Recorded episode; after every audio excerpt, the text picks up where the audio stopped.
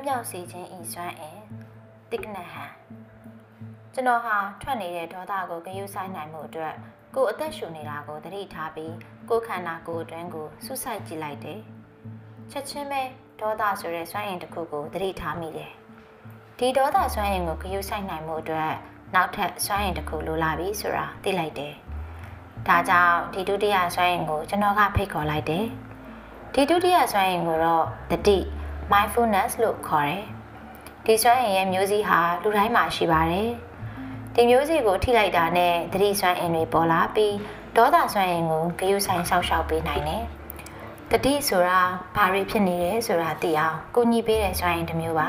။လူတိုင်းသတိရှိအောင်စွမ်းဆောင်နိုင်ကြပါတယ်။နေတိုင်းလေ့ကျင့်သူတွေကတော့မကျင့်သူတွေထက်ပိုပြီးစွမ်းအားရှိတာပေါ့ဗျာ။ဒါပေမဲ့မကျင့်သူမှလည်းသတိမျိုးစိကတော့ရှိနေတာပဲ။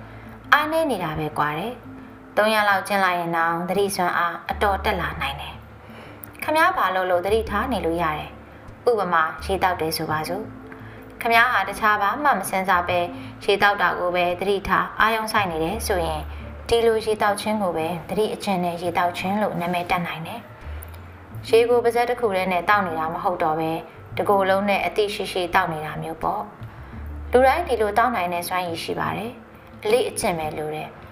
ကျွန်တော်တို့ငယ်ငယ်ကိုရင်ဘဝကလေးကအဲ့ဒီလိုတောက်တအောင်ကျွန်တော်တို့ဆရာတွေကသင်ပေးခဲ့တယ်တတိအကျင့်နဲ့လမ်းလျှောက်ခြင်းဆိုရင်လည်းဘယ်နားမှာဖြစ်ဖြစ်လုပ်လို့ရတယ်လမ်းလျှောက်နေချိန်မှာကိုယ်အာယုံကိုဒီလမ်းလျှောက်တာလေးအပေါ်မှာပဲထားဟိုဟိုဒီဒီမစင်စားဘူးဆိုရင်ဖြစ်ပြီ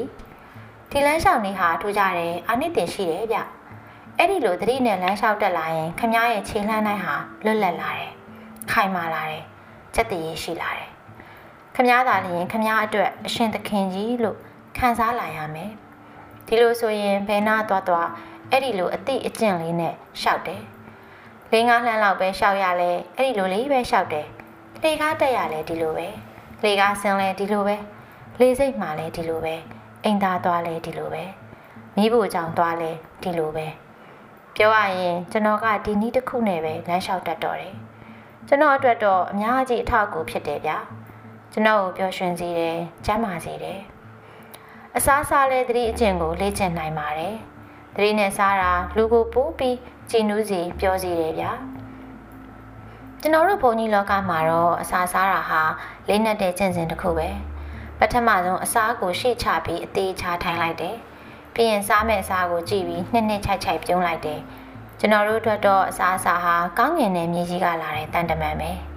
ပဲပင်ပေါက်ကလေးတစ်ပင်ကိုစိတ်နဲ့ကြည့်လိုက်ရင်ကျွန်တော်အတွက်တော့တိမ်တိုက်လေးလွင့်နေတာမြင်ရတယ်။မိုးဆက်လေးတွေနေအောင်ကြီးနုနုတွေမြင်ရတယ်။ဒီပဲပင်ပေါက်ကလေးဟာကောင်းငင်တဲ့မြေကြီးတို့ရဲ့အစိတ်အပိုင်းတစ်စပါပဲ